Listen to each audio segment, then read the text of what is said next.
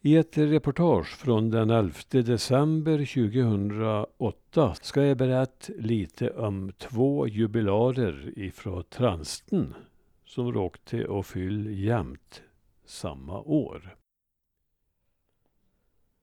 Två jubilarer från Transten och de het Lars Bäckvall och Gunnar Eskilsson. Att 2008 varit ett stort jubileumsår kan inte ha undgått någon. Firandet har främst gällt 150-åringarna Gustav V, Christian Eriksson och framförallt Selma Lagerlöf. Innan året helt gått till ända kan det finnas anledning att uppmärksamma ytterligare två jubilarer även om de inte har samma kändisstatus som de ovan nämnda. De två kommer från Transtrand i Dalby församling och blev åtminstone kända namn i sin bygd. Det är hembygdsforskaren Lars Bäckvall som föddes för 150 år sedan, detta gynnsamma år för födslar.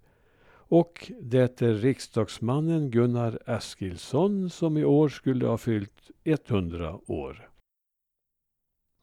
Många olikheter finns mellan de båda men också fler beröringspunkter än den geografiska hemvisten. Kärleken till hembygden är giltig för de båda och även det trista faktum att tillvaron blev en tung börda under deras sista levnadstid. Lars Bäckvall föddes den 19 juli 1858 och växte upp under knappa förhållanden på Bäckhitorp i Transtrand. Med flit i kombination med begåvning kämpade han sig fram till en karriär som arkitekt i Chicago och Stockholm. Exempel på byggnader i Dalby som ritats av Bäckvall är huvudbyggnaden på gården Strandås liksom skolhus och lärarbostad på Brattmon och i Stommen i Sysslebäck. Liksom de nu rivna skolhusbyggnaderna i Långav. Lars Bäckvall blev så småningom stockholmare men i själ och hjärta var han hela livet Dalbybo mer än någon annan.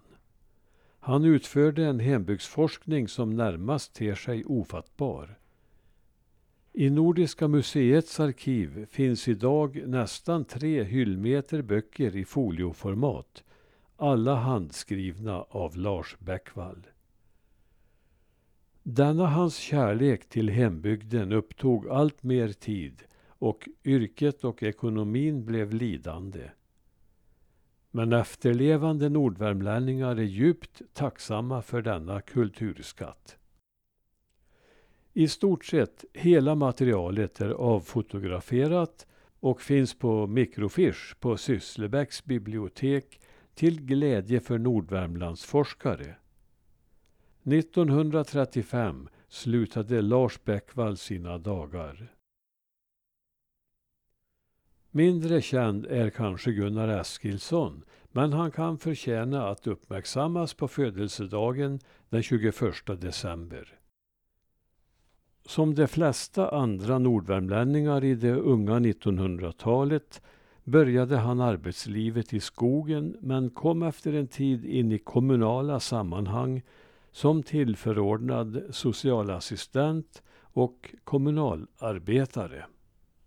1948 till 69 var han ordförande i Dalby arbetarkommun och var många år med i styrelsen för Värmlands distrikt av SAP, Socialdemokratiska arbetarpartiet. I kommunpolitiken i Finnskoga-Dalby fanns han med i såväl fullmäktige som kommunalnämnd och diverse andra nämnder. Detta var under en expansiv period i bygden då kraftverksbyggen pågick och diskussioner om turismen påbörjades. Gunnar var inblandad i det mesta. 1961 kom han in i riksdagen och där satt han kvar till sin död 1970. Någon flitig motionär var han inte. Han finns registrerad för en egen motion om skogsvård men han var suppleant och så småningom ordinarie ledamot av jordbruksutskottet.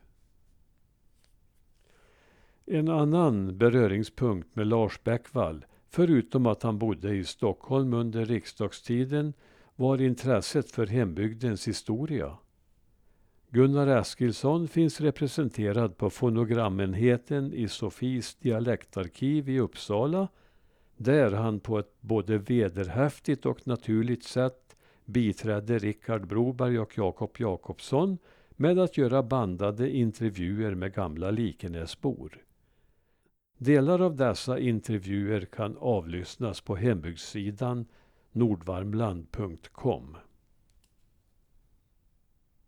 Då ska vi få höra ett avsnitt ur ett samtal som Gunnar Eskilsson hade med Ingegerd Andersson, Lurinjal ifrån Likenäs, mor till den mer bekanta Slammen.